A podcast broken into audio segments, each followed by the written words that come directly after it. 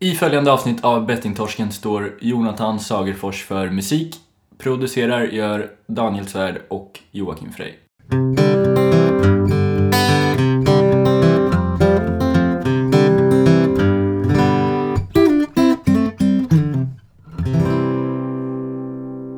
Hej och välkommen till podcasten Bettingtorsken avsnitt nummer 50. Hej! Hej. Vad vad är det på norska? Hej! Ja. Det är så glatt. ja, det var det. Du, fan vad kul. Välkommen till mitt rum. Mm, tack. Alltså, ja. Det är ju egentligen inte mitt rum, men du, jag har varit här i två dagar och så har du redan sagt mitt, Jockes rum. Berätta vart du är någonstans. Jag är i Kalmar. Och hur känns detta? Ja, det, det känns ganska bra här i Kalmar. Ja. Ja, förutom att Malmö förlorar ju fotboll. Ja. Ja, det var inte bra. Nej. Nej. Då går vi vidare Ja, till... eh, nej men vi, vi, sitter, vi, vi sitter ju här i eh, ditt f- familjehus. Eller vad säger man? Ja. Ja, det kan man säga. Det är mina föräldrars hus i Kalmar, utanför Kalmar. ja. I Smedby. Smedby. Fan men det var jävligt eh, gästvänligt. Fan, jag känner mig... Ja, jag är glad. Tacksam. Mm. Väldigt eh, gästvänliga föräldrar du har. Mm. Har fått mat och egen sovplats och så. Mm. Mysigt. Mer än vad du förtjänar kanske. Det kan ju bli så ibland. Ja men Ja, faktiskt. det är Ehm, jackpots. Ja, faktiskt. Men fan, eh, ja. Jävligt nice. Det är, har du, jag vet inte, tänker du så här ibland? Du vet när du är hemma hos någon.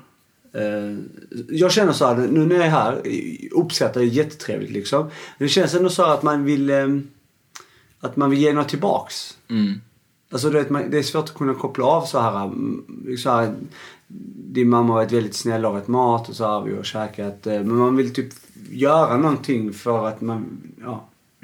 Har du en sån känsla när du är hemma hos folk och typ sover över eller så här, Att du ständigt vill, Mm. kom, att du inte bara kan liksom ta det lugnt och bara, ja tack, uppskatta det. Förstår du vad jag menar? Ja, precis.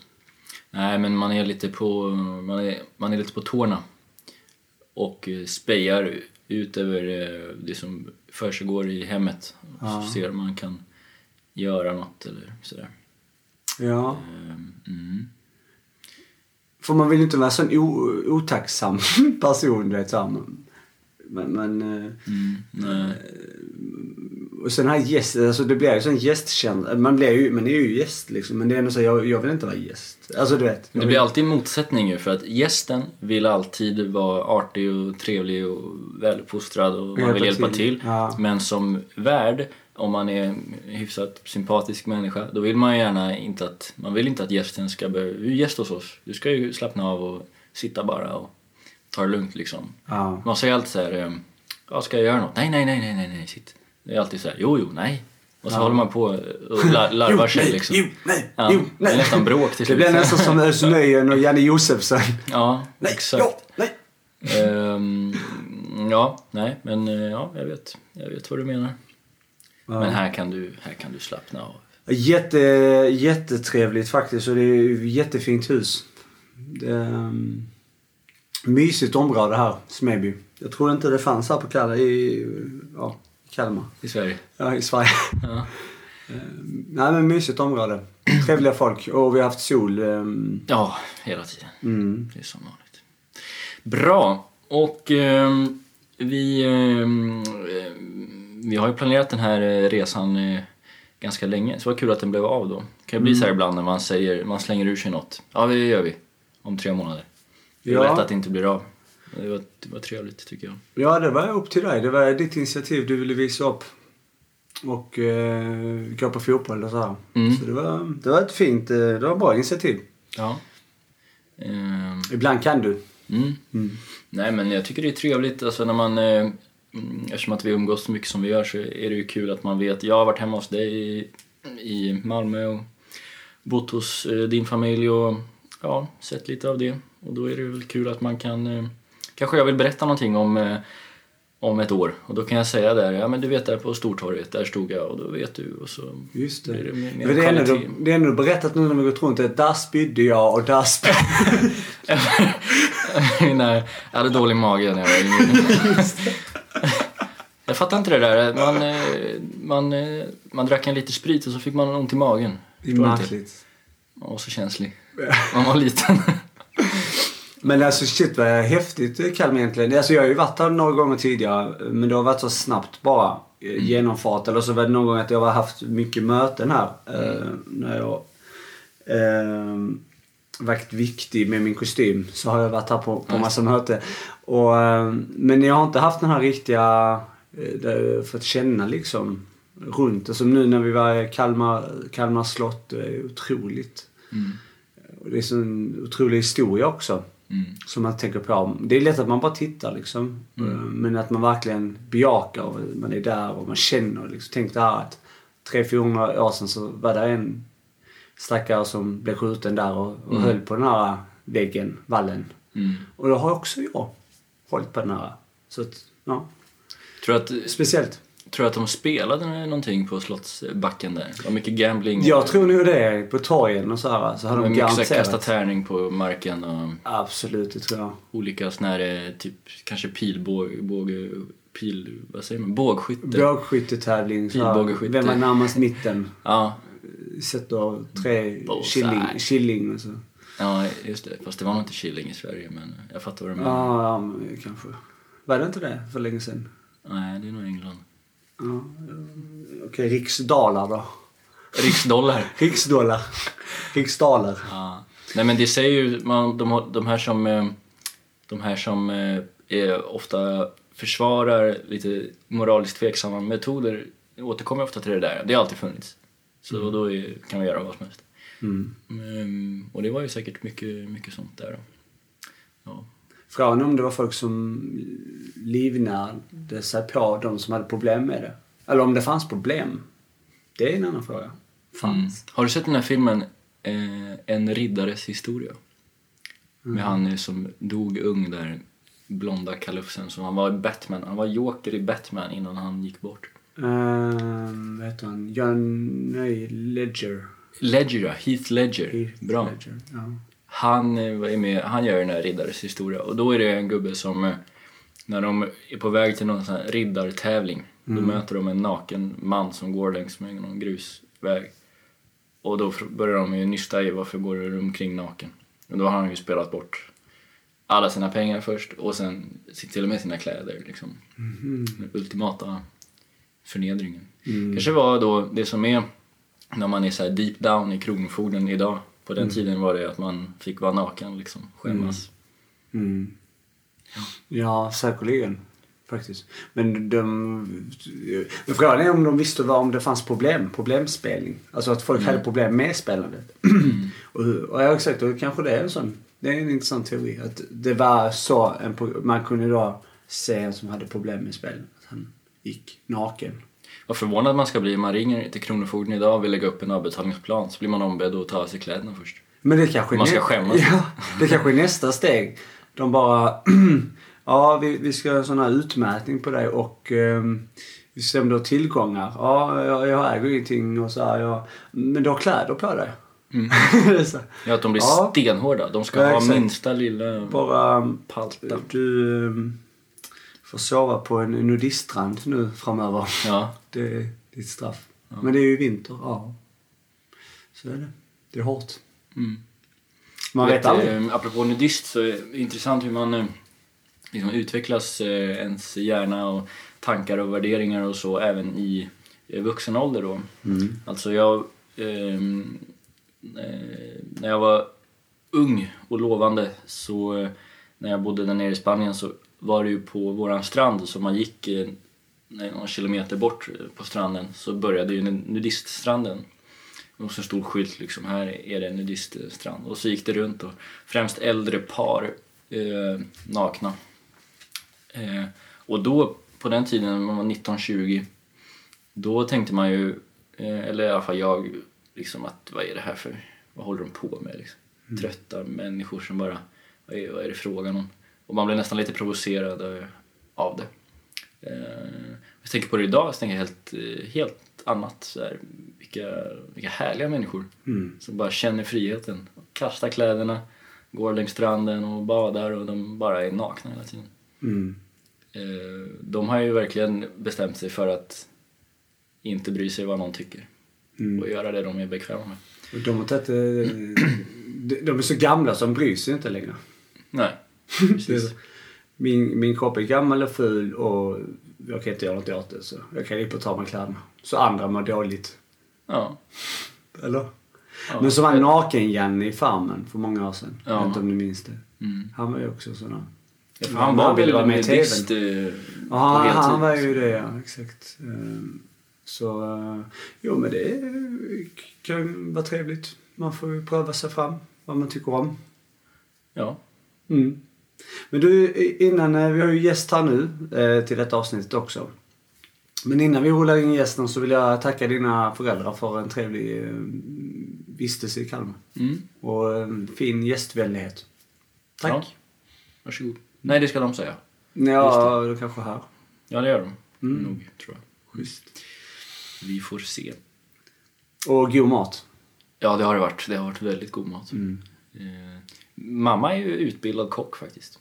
Ja, jag märkte det var Back in någonting. Ja, det, man, det var fin klass på maten faktiskt. ja. Jag blev lite förvånad. Du är ju usel. Så jag fatt... Nej, Ja. jag skojar.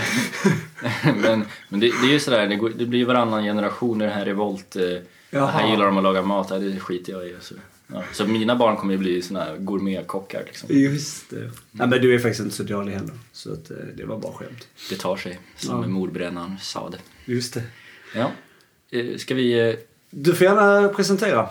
ja, eh, det ska jag göra. Och då har vi en gäst som är psykolog Mm. och hon är också forskarstudent. Mm. Och hon heter Ekaterina Ivanova. Det var rätt bra uttal va? Mm. Jag vet inte om eh, man ska... Vill du säga någonting annat om henne? Nej, spänn spännande samtal och Mm. eh, det är kul att höra. Det, det, man märker det är lite så, ja ni får lyssna. Det, det är sp- spännande. Hon var, det är också via Skype. Vi har gjort mycket nu Skype så att, eh, och det är för att du har, ja. Eh, Podden är fortfarande ideell och vi har valt det så. Och eh, vi har inte tid att kunna resa överallt. Så att eh, Skype har varit ett bra instrument för oss att kunna använda. Och Ja, klar, tycker ni inte att det är bra då får ni fan stänga av. Ja, det är så enkelt. Mm. Och det stod liksom mellan att skypa eller cykla till Stockholm och då blev det ganska lätt. Mm.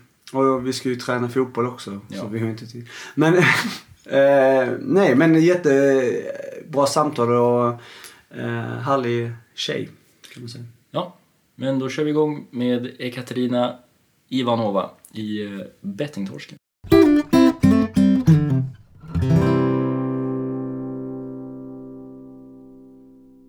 Yes, då är vi igång med avsnittet med eh, Ekaterina. Hej och, eh, och välkommen!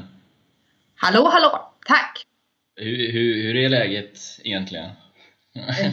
Det är bra egentligen. Ja. Hur är det med er? Jo, men, det tycker jag är ganska bra faktiskt. Ehm, Vi, eh, ja, vi mår väl bra, eller vad säger du? Jocke? Ja. Vad, vad sa du egentligen? Det undrar jag. Ja, det vet jag inte, men eh, ja. Är det bara för att vi inte träffas fysiskt liksom, utan vi kör en sån här Skype? Ja, så men det kan bli lite konstigt. Men eh, ja, men jag känner ju, jag, jag, eh, jag, jag utvecklas under samtalet. Ja, det är bra. jag. Ja. Ehm, vem är du, Ekaterina? Vi börjar där. Får du ta ton. Um, ja, absolut. Eh, ja, Ekaterina Ivanova heter jag och ehm, jag är doktorand vid Stockholms universitet och jag forskar inom uh, gamblingområdet. Och det är väl därför som jag är här idag. Ja, tycker jag är en bra sammanfattning. Eh, och, eh, men eh, förutom eh, forskning och sådär kring spel då? Eh, Ja. Vem är du annars om man säger så? Vad, vad, vad sysslar du med utanför jobb och, och, och sådär? Ah, Jag är bara gamblingforskare. Det är allt. Ja, det är allt. Ja. Eh, nej, inte riktigt. Utan eh, ja, eh, jag bor i Stockholm. Mm. Och jag kommer ursprungligen från Ryssland, från Sankt Petersburg. Mm. En eh, jätte, jättestor stad jämfört med både Stockholm och Göteborg. Ja. Mm, och, men nu är jag här och trivs eh, jätte, jättebra. Eh, jag bor eh, här med min lilla familj. Okej. Mm. Och eh, förutom det så eh, tycker jag till exempel om att spela volleyboll. Mm. Så, det var nog eh, det, var nog det Ja. om mig. Härligt. Ja, jag tänkte höra, eh, bara för att komma rakt på sak egentligen. Jag undrar vad det var som gjorde att du började forska i just spelberoende? Eh, Det är eh, väldigt straightforward. Eh, Jag ville jättegärna forska. Jag fick lite feeling för det när jag skrev mitt examensarbete. När jag pluggade till psykolog. Så det kan man kanske säga att jag är psykolog. Jag är legitimerad psykolog. Och jag tyckte att det skulle vara jätte- jättekul att forska. Och eh, jag skrev mitt examensarbete för en professor på Stockholms universitet som heter Per Karlbring. Eh, och jag trivdes, att, eh, trivdes med att samarbeta med honom. Och när den här doktorandtjänsten kom upp så var det egentligen, jag hade inte, jag hade inte alls tänkt på att doktorera inom spelområdet. Jag ja, hade inte vetat så jättemycket om det. Eh, Men eh, i och med att jag ville forska och jag eh, ville gärna sam- samarbeta med Per Gabring Eh, så sökte jag tjänsten och så tänkte jag att nej, men, det är väl, ja, det är väl ett intressant område. Som många andra intressanta områden. Mm. Så var det. Okej. Ehm, hur, eh, hur har din bild förändrats av, ehm, alltså även om du inte hade så mycket erfarenhet av just spel innan så tänker jag att man, man har ju en, en, en uppfattning om det mesta liksom. Hur, hur har din uppfattning ändrats om, om spelberoende på, ja, under den här eh, resan då, om man säger så? Ja, men vilken bra fråga! Det berättar jag jättegärna om.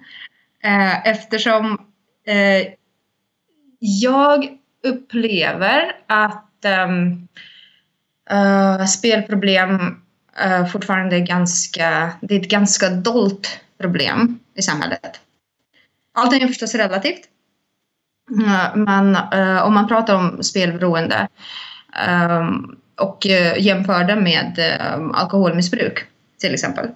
Så ehm, tycker jag och har en del kollegor som är överens med mig om det. Att spelproblem inte tas på lika stort allvar. Inte ens i närheten. Eh, Och jag kan ju säga att när jag började forska inom spelområdet så hade jag väl en, en mer genomsnittlig syn på spelproblem. Jag visste inte riktigt hur, hur stort det var. Jag hade inte jättestort koll på vilka konsekvenser eh, det kan ha. Eh, och, hur stort folkhälsoproblem det var. Och nu har jag mycket, mycket större insikt om det. Eh, och också mycket fler åsikter om hur man eh, bör hantera spel, ja, med spelbud, spelandet och spelproblem i samhället. Mm. Mm. Eh, Jag tänkte höra bara din, en liten sammanfattning kanske då, eller eh, inte sammanfattning, men, men eh, var, varför spelar man? Eh, det, den frågan har ni ju ställt till era... eh, Ja, jag vet, men det är alltid kul att höra, jag vet, men det är alltid kul att höra liksom din, din eh, tolkning på det, så att säga. Om, Just det. eh, men jag tänker att jag är ledsen ifall jag inte kommer med något nytt. Nej, men det är, nej, det är ingen fara spela min uppfattning är att man spelar eftersom eh, det ger någonting som upplevs som positivt.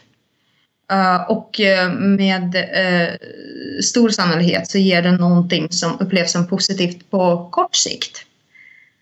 Det vill säga det, det blir som en sån här omedelbar belöning. Sen så kan olika människor uppleva det på lite eh, olika sätt. Någon skulle kunna tolka det som något trevligt. Någon som skulle kunna tänka, tolka, det, eh, tolka det som något spännande. Jag tänkte att den positiva upplevelsen kan variera från person till person. Men det ska, det ska ge något. I, eh, ja, Mm, det ska ge någon, eh, någon positiv konsekvens. Eh, Mm. Under den här tiden som du eh, utbildade, för om jag förstått det rätt så pågår din så, här, forskningsutbildning fortfarande liksom? Du är, Precis. Ja. Mm. Eh, ha- har du under den här tiden testat på själv att, eh, att spela eller att eh, kanske röra dig i spelmiljöer för att liksom få någon slags extra extra, vad ska man säga, Dimension. dimension. Just det, precis. Eh, och förståelse liksom. Eh, och, Eh, och, och en följdfr- jag, jag, jag tar min följdfråga direkt här då. Om Ja, är det vanligt att man, att man gör det i, i era kretsar så att säga? Ehm, att man uh, breddar sina Ja, viljor eh, precis. och sätter in sig. I, ja, det är vanligt. Eh, att, man, eh, liksom, att man testar att spela. Ehm, och det har jag också gjort. Eh, ja, så var det. Eh, och, Så jag har testat och eh, det är vanligt. Eh, Den, ja. Mm.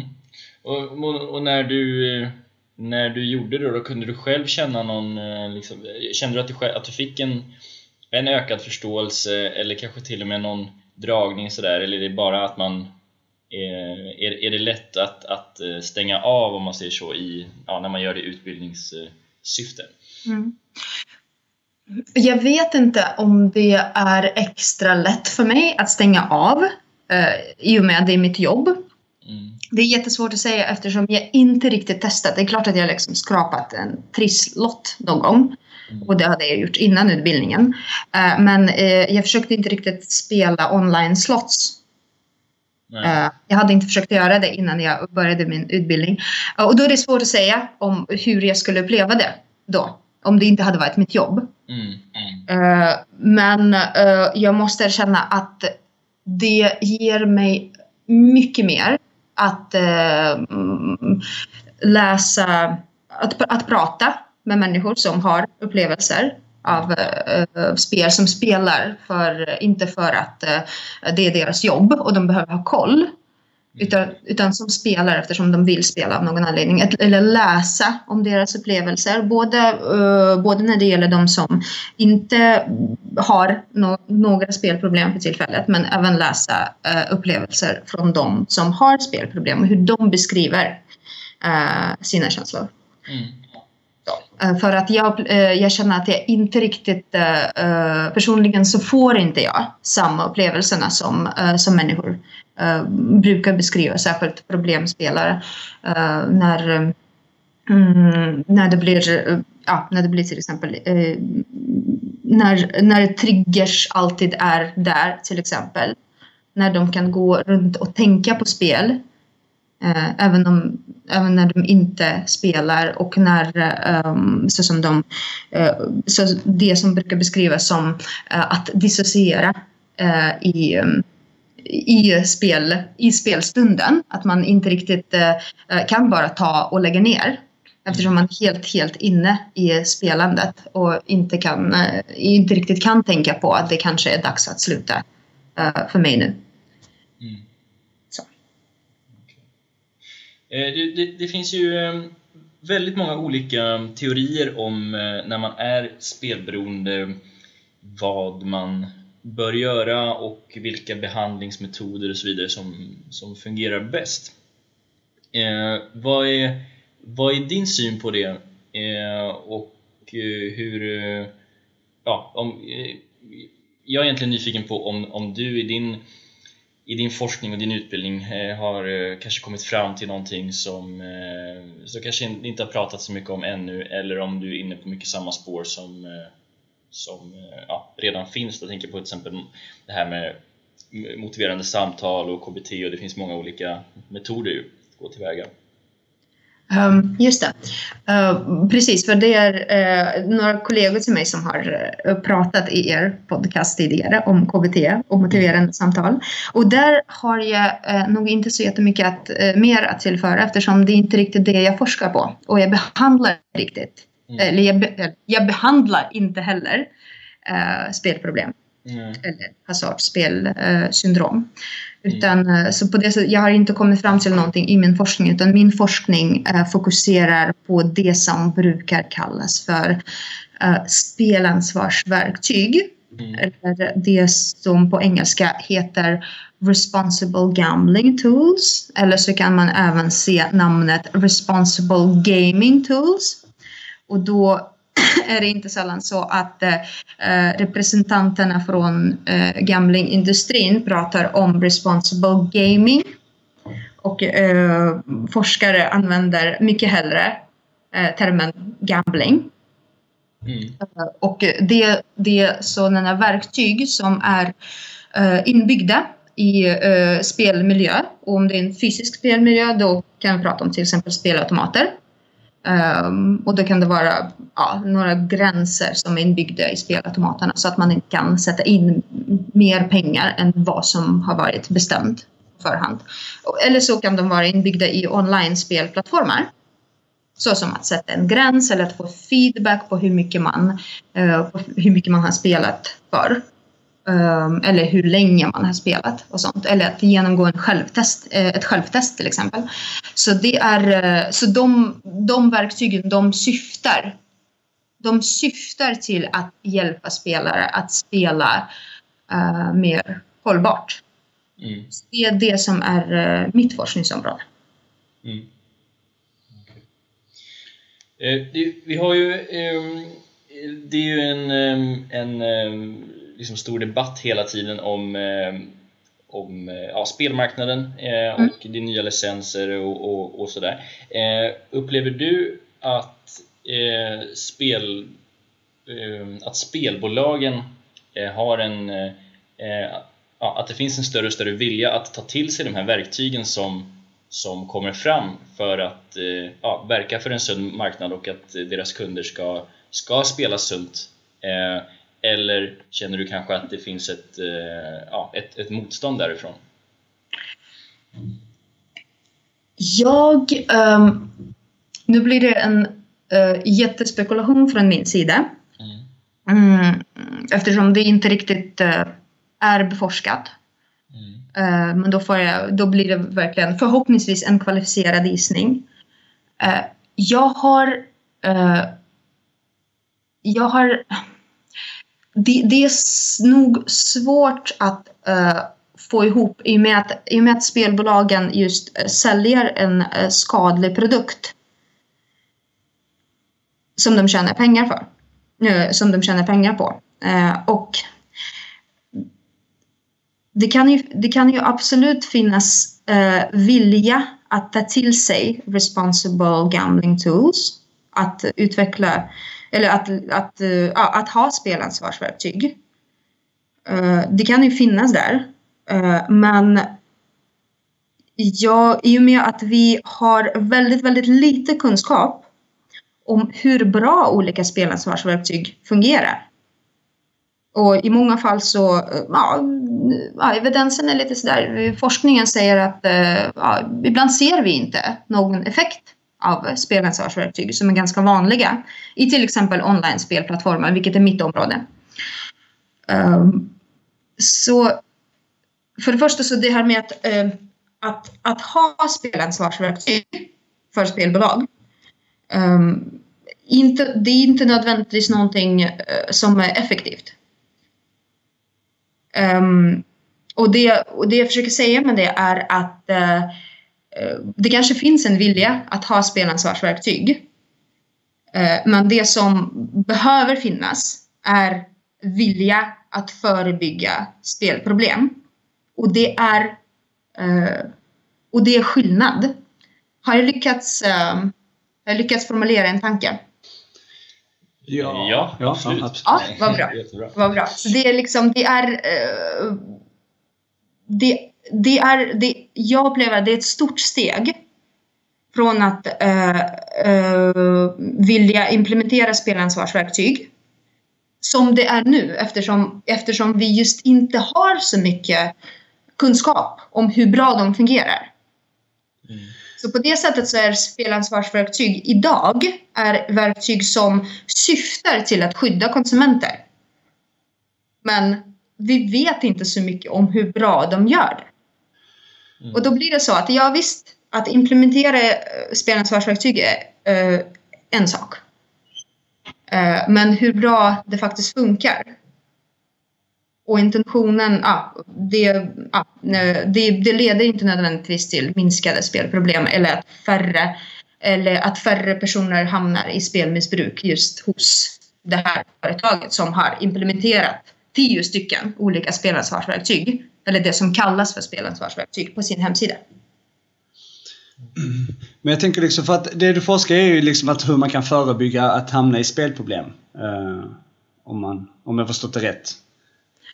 Uh, ja, det är jätte... Uh, vad, vad, bra du, vad bra du säger det på det här sättet eftersom eh, mitt, eh, min doktor, det är lite intressant för min doktorandtjänst när den, när den inleddes så skulle det handla just om prevention av spelproblem. Mm. Eh, och eh, den handlar ju om eh, den handlar om just effektiviteten av eh, spelansvarsverktyg och det är mycket smalare. Mm. Så, för, men på ett sätt, ja absolut, ja. så handlar det om att förebygga spelproblem.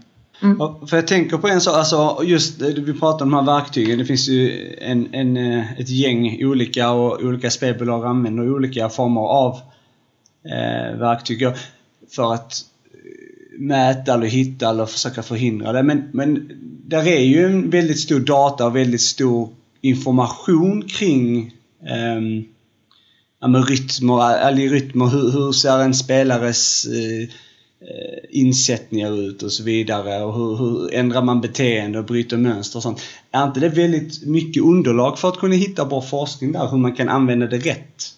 Alltså att man använder verktyget rätt? Uh, ja, eller hur? Så skulle, så skulle det kunna vara. Um, man pratar väldigt, väldigt mycket om um, den där stora kapaciteten hos moderna uh, liksom online-spelplattformar som kan ju uh, spara alla beteenden och då kan vi uh, och då kan vi sitta och analysera denna data och få väldigt, väldigt, väldigt mycket information om det. Mm. Så teoretiskt sett så skulle det vara jätte, ja, det är en guldgruva och vi skulle kunna få väldigt mycket information om effektiviteten av spelansvarsverktyg. Uh, av någon anledning som vi skulle kunna uh, försöka prata om förstås, uh, eller av säkert många anledningar, så görs det inte så jättemånga sådana studier. Så kapaciteten finns där. Eh, men eh, en av anledningarna är säkert att eh, företagen inte gärna delar med sig data och det är väl kanske inte så unikt för gamblingföretag. Jag kan tänka mig att Um, att uh, andra företag som håller på och samlar, uh, samlar på sig data online, uh, de delar inte med sig data till höger och vänster. Men det är, en, det är ett stort hinder det är företagshemlighet. Det är en, eh, det är en viktig... Att, eh, att hålla att hålla data hemligt är på no, säkert på något sätt mm, är viktigt för att um, kunna vinna i konkurrensen. Att inte avslöja någonting, att inte råka avslöja någonting till konkurrenterna. Uh, och då blir ju inte den data åtkomlig för de personer som är uh, intresserade av att uh, utvärdera till exempel spelansvarsverktyg. Ja, för, för jag tänker just att du forskade och du, du är ju utbildad psykolog och, och förstår ju det här med beteende. Du, du kan ju se det. Du måste känna en frustration från din sida, eller? Uh, jo, absolut. Mm. Uh, du var inne på det lite grann här för en stund sedan angående uh, studier om insättningsgränser. just det. Mm. Ja, och vill du vill du eh, utveckla lite grann hur, eh, hur eh, ni, eller du då, eh, forskar kring det om, och om, det, om, om du tror att det är en liksom, nyckelfråga för att kunna då, eh, förebygga spelproblem, eller hur ni, hur ni ser på det? Om, eh, om insättningsgränser är en nyckelfråga till att kunna förebygga. Um, det är nog inte en nyckelfråga. Uh, vi har, uh, eller det beror lite, det beror lite grann, eller det beror väldigt, väldigt mycket på hur det skulle kunna vara utformat. Uh, vi vet, vi kan inte riktigt nu säga att gränser, som så insättningsgränser eller um, gränser för hur mycket man kan spendera, det vill säga inte bara deponera utan just spendera till exempel, ja, satsa. Om det är om det är effektivt. Eh, om det hjälper folk att eh, spela mer kontrollerat. Vi, eh, vi har ett fåtal studier, de är inte så jättebra gjorda och de visar inte på något större effektivitet. Det vill säga att vi kan, det är inte så jättestora förhoppningar Om man det funkar. Däremot så uh, kan det vara utformat på väldigt, väldigt olika sätt. Det vill säga att de uh, gränserna kan vara obligatoriska. Och uh, antagligen så skulle det göra en stor skillnad. men det, det området är ju inte alls beforskat heller. Så ja. Vad, vad tror du är nyckelfrågan då? För att förebygga bred, bred fråga mm. kanske. Men... Ja. Jag tror att just om, om vi pratar om förebyggande av spelproblem så uh, tror jag väldigt mycket på uh, lagstiftning. Bra lagstiftning och bra reglering av, uh, av spelindustrin. det vill säga, det är inte Eh, inte, inte självreglering på något sätt som det mm, ofta pratas om i, ja, i, eh, ja, i gamblingkretsar. Industrin uttalar ju sig väldigt mycket om, eh, eh om hur eh, saker och ting ska vara utformade och det här med självreglering kommer upp ganska ofta att man eh, att man gärna vill ha lång, långsiktigt hållbar verksamhet och kunder kommer då välja en, långsiktig, en eh, långsiktigt hållbar verksamhet. Um, och, på, och det, och det liksom att, att, att kunna behålla kunder, att, att ha hållbara och långsiktiga kundförhållanden eh, skulle då eh, få industrin att, att, att se till att det, är, att det är säkert och tryggt att kunna förmedla det. Eh, och att det liksom skulle ske på något naturligt sätt. Eh, men eh, det finns, ehm, det finns nog inte så jättemånga belägg att tro att det skulle kunna fungera på det sättet. Utan det, det behövs mer reglering från, ja, mer central reglering.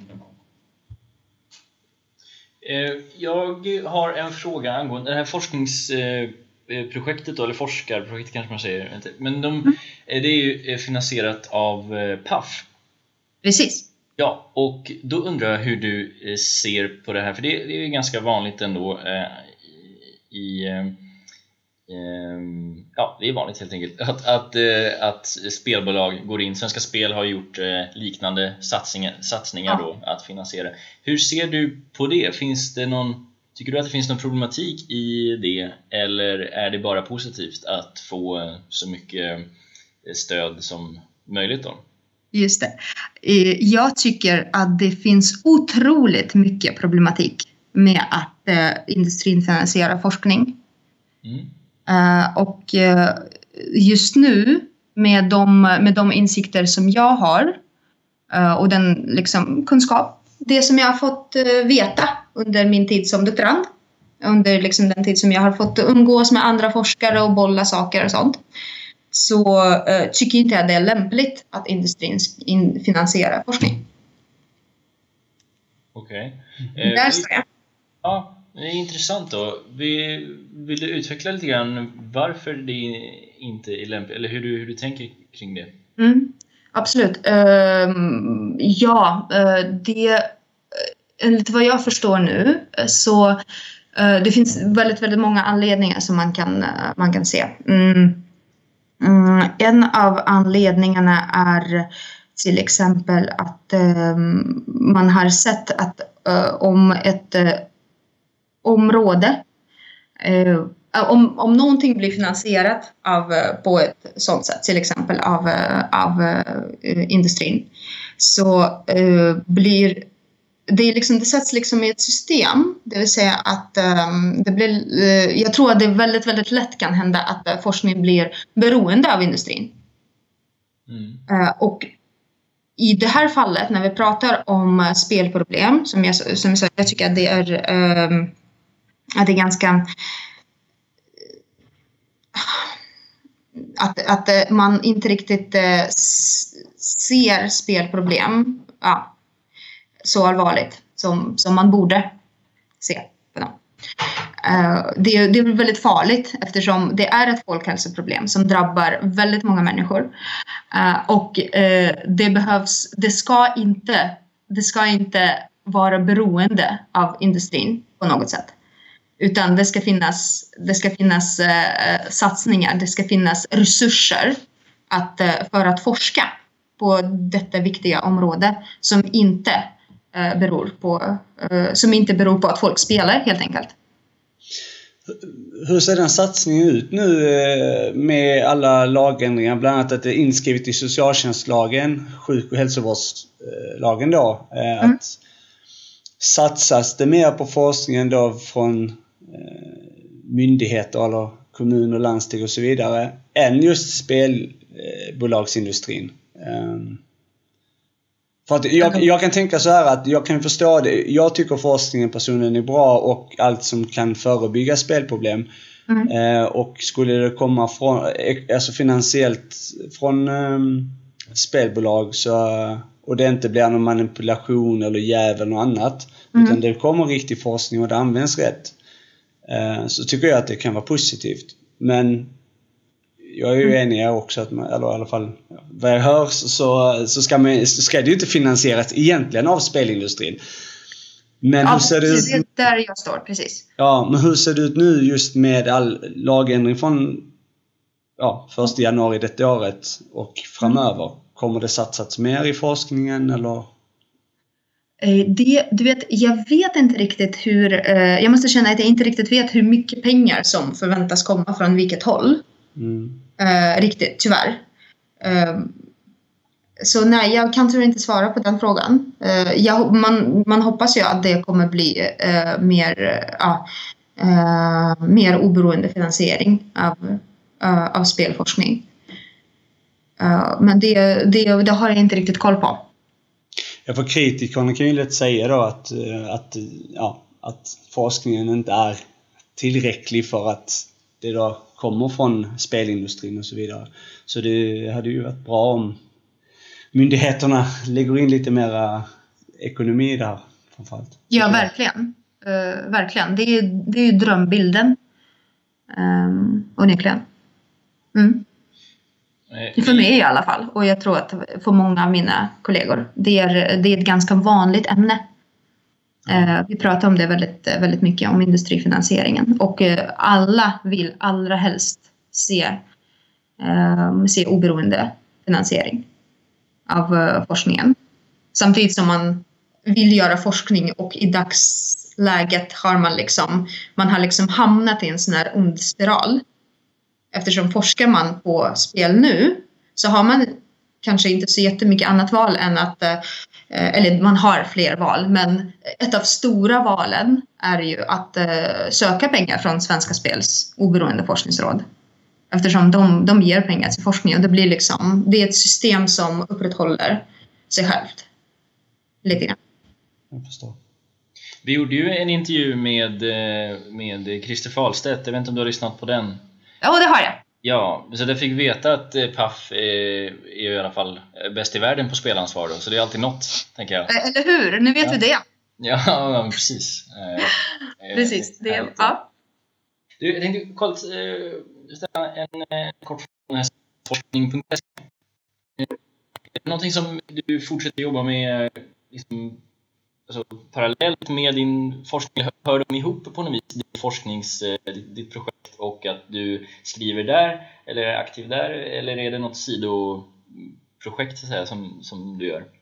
Uh, ja, det, det spelforskning.se, det, det, är lite svårt att kalla det för ett projekt eftersom det är en sån här blogg, ja. eh, en bloggplattform där alla spelforskare är uh, välkomna att skriva och vi är ett ganska litet gäng. Mm. Uh, så alla känner alla. Så absolut, jag, jag har inte skrivit uh, där tror jag sedan november. Mm. Om jag minns uh, rätt. Men absolut, jag hoppas att jag kommer skriva mer där. Ja. Är det något särskilt du tänkte på? Nej, inte direkt. Jag, bara, jag är inne, inne där ibland och, och kikar. Vi har ju ja, i och med att vi har pratat också med, med Jakob och sådär så man ja, försöker hålla lite koll vad som, vad som dyker upp. Men det som yep. säger, Ja. Daniel sa att, att eh, han tyckte det var konstigt att inte vi stod med där.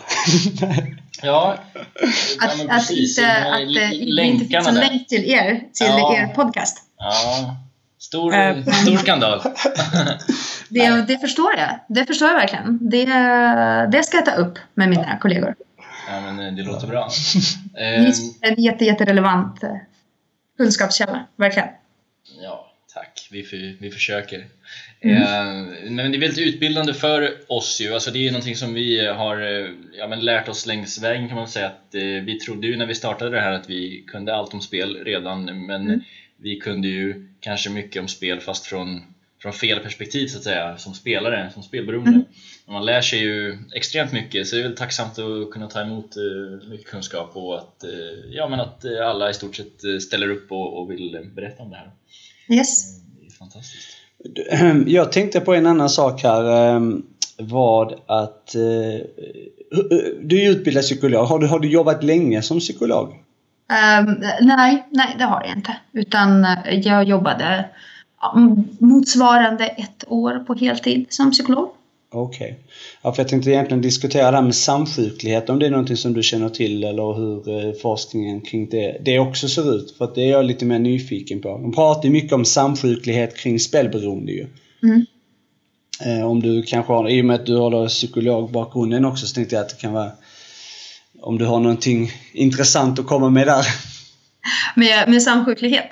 Eh, det, ja, I och med att det inte är, inte är mitt, eh, just mitt eh, forskningsområde, inte Nej. det som jag fokuserar på i min, eh, i min forskning så eh, ja, det, jag har ju inte så jättemycket mer att säga än att eh, eh, spelproblem har eh, en jättehög samsjuklighet med framförallt andra, eh, annan beroendeproblematik. Men också eh, det andra mycket vanliga i samhället som är eh, depression och ångest, eh, ja, ångestproblem. Um, Okej. så, och utöver det så tror jag inte att jag har så mycket, med, eh, så mycket att eh, komma med just när det gäller samsjukligheten. Nej, okej. Ja, det är jag ju väldigt nyfiken på det själv, men det, jag ska ta det med någon i psykiatrin sen. Just det, precis. Mm.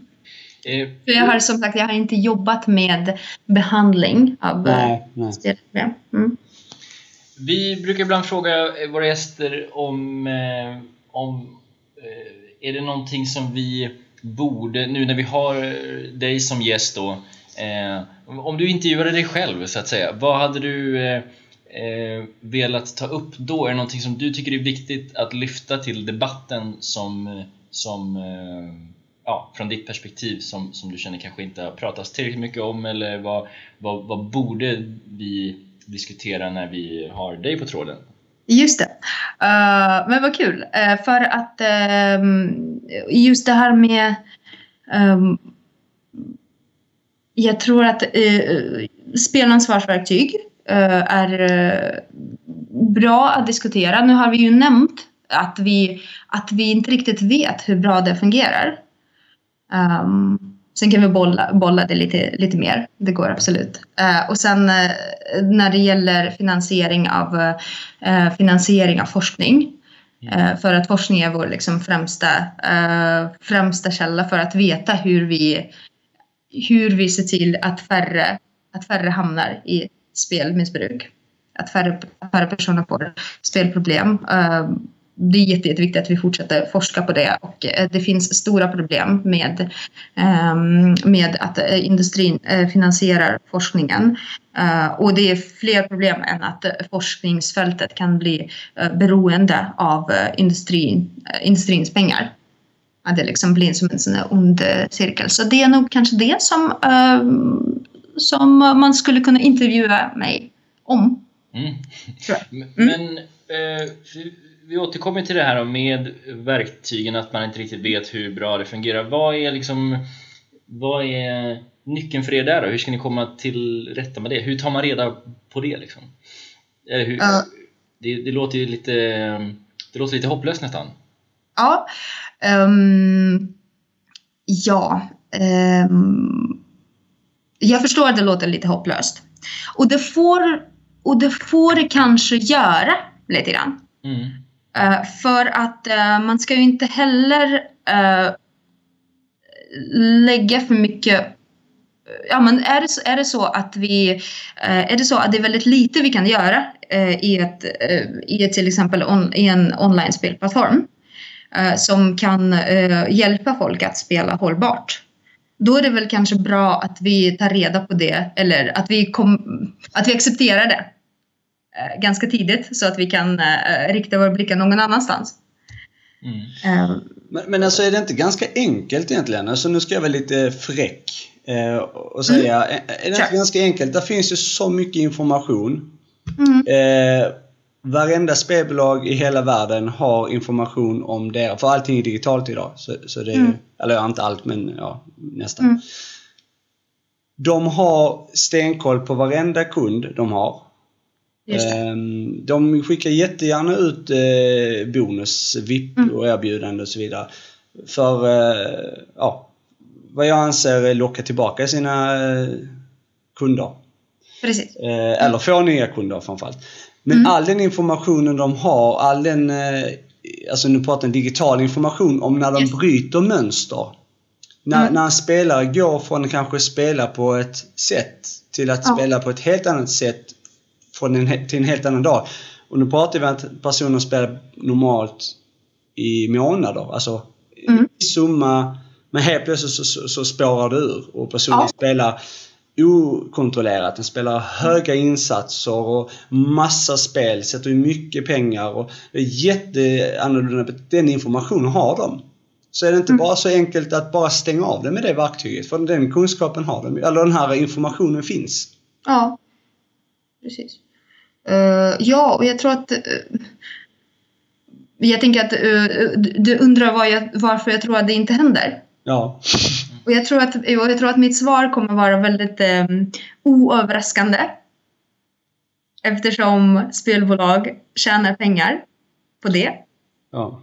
P punkt, ungefär. Ja, ja men... Och eh, det, vi, vi har ju, uh, ni har ju nämnt er, um, er inspelning med Christer Fallstedt. Eh, som nämnde att man tror att ungefär, eh, vad var det, att, att det var en procent av eh, spelare som stod för ungefär hälften av intäkterna. Ja, det beror på vem man frågar, men det, det säger han ja. Ja, precis, det sa han. Och så sa han någonting om eh, 2080 också att vissa, vissa säger 20-80, men oavsett vad, om det är 20% av spelare som står för 80% av inkomsten eller 1% av spelare som står för 50% av inkomsterna så vet vi att det finns en, uppenbarligen en klunga kunder, högintensiva kunder som, um, som uh, är väldigt, väldigt värdefulla för spelbolag um, och står för väldigt, väldigt mycket pengar. Uh, och då är frågan vad liksom hur, hur, kan överle- hur kan en online-spelplattform överleva utan dessa människor? Och vi antar att, det, att, att de flesta problemspelare äh, finns där. Vi mm. vet inte. Men det skulle vara, ja, det, det, jag tror att det skulle vara ganska okej okay kvalificerad gissning.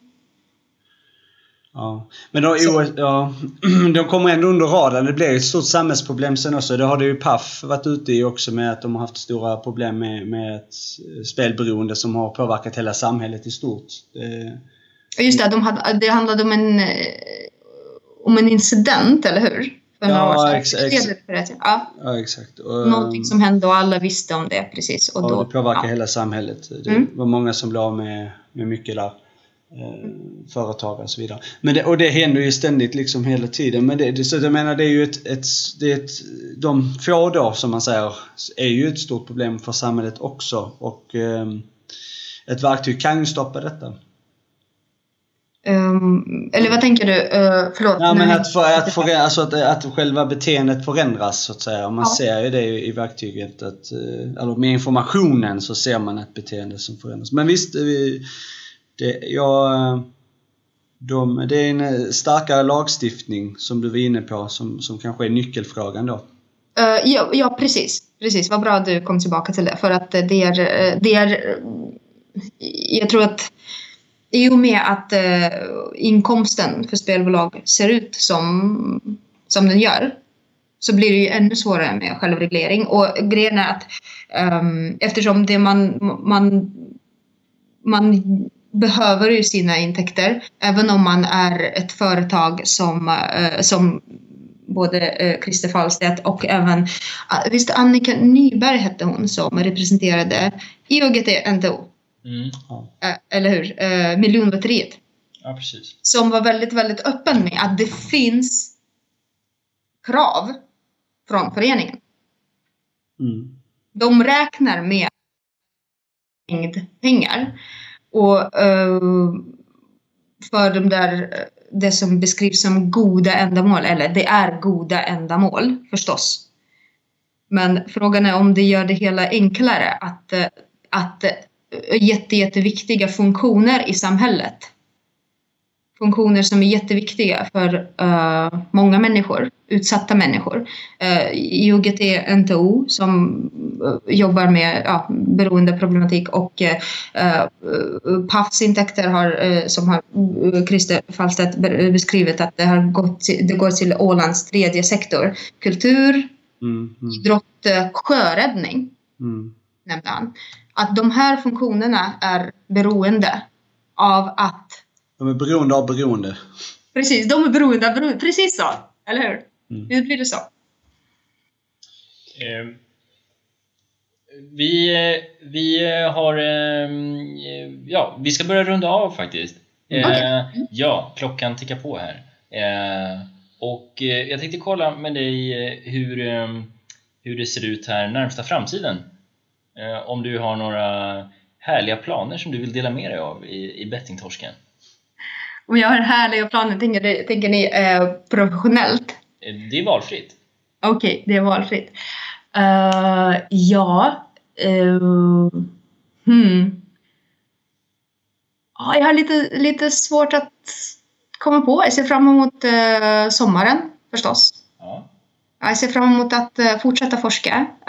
Jag ser fram emot att delta i, i den här debatten som vi berörde nu eh, om, eh, om hur, hur forskningen ska, om vad vi ska forska på eh, och hur vi ska forska och eh, vad forskningen ska finansieras av. Så det, det, det är en jättefråga, verkligen. Mm. Och, och, så min, min dröm är ju inte bara att sitta och producera forskningsresultat men även kunna uttala mig. Som till exempel ja, som jag gör nu och jag hoppas att det kommer for, kunna fortsätta, fortsätta göra det och ta debatten och ta dialogen. Ja. Så det är, väl, det är mina härliga planer. mm. Eh, jag har en sista fråga då eh, till dig och det är eh, vad har du att rekommendera oss i, i, ja, i livet? Det behöver inte handla om spel eller forskning, det kan vara vad som helst. Uh, just det, jag tror att jag, jag hörde den frågan i era uh, i, i de avsnitt. De uh, jätte, jätteintressanta avsnitt som jag lyssnar på. Och det är väl många som pratar om acceptans och, ja, och, finna, och finna glädje i vardagen tror jag. Mm. Det håller jag verkligen, verkligen med om. Det låter jätte, jättebra. Eh, men jag tänkte på det, vad, vad, jag skulle svara på den frågan om, eh, om ni skulle ställa det. Och eh, det är lite intressant för att eh, en kompis till mig som eh, för inte så länge sedan sa en sån fras. Han sa vald växelkör. Jag vet inte om ni någonsin har hört det, för det hade inte jag. Skulle, kan du repetera det? Vald växelkör. Vald växelkör. Nej det är uppenbarligen inte något sånt där uttryck som folk känner till. Jag misstänker att min kompis bara kom på det i stunden. Men det betydde, eh, det han menade var att ehm, om man har valt att göra någonting, det vill säga jag bestämde mig att ja, men jag gör så här till exempel. Jag, eh, jag, jag planerar den här resan eller jag planerar min forskning på det här sättet eller jag planerar att göra det här. Jag testar. Att eh, den menade att man liksom, ja men det är i princip stick to the plan. Att inte, liksom, att inte vela så mycket utan bestämma sig för någonting och göra och sen utvärdera och inte eh, kanske inte, inte, inte ändra sig mitt i det som man bestämt sig utan bara utan köra och se hur det blir. Inte växla ner eller växla upp, köra i rätt växel bara. Uh, det, uh, det var kanske så han menade. Det var kanske så hans par paralleller i hans huvud gick. Jag vet inte riktigt. ja, men, men det var intressant. Liksom... Det, det, var, det var jätteintressant. Ja, jag tyckte också det. växel kör. Det, har man valt en växel så kör man på den. Ja, precis. Bara, bara köra. Sen man kan ju liksom växla ner och växla upp lite senare men inte hålla på liksom och um, vela och ändra mycket. Ja. Och så. Mm. Det var fint. Vela inte. Hör ni det? ja, vad kul att du tyckte det. Ja, tack, tack så jättemycket för att du ville vara med i, i vår podcast. Ja, uh, tack för att jag fick vara med. Det var, det var jätteintressant. Jag, jag tyckte det var jättekul när ni hörde av er.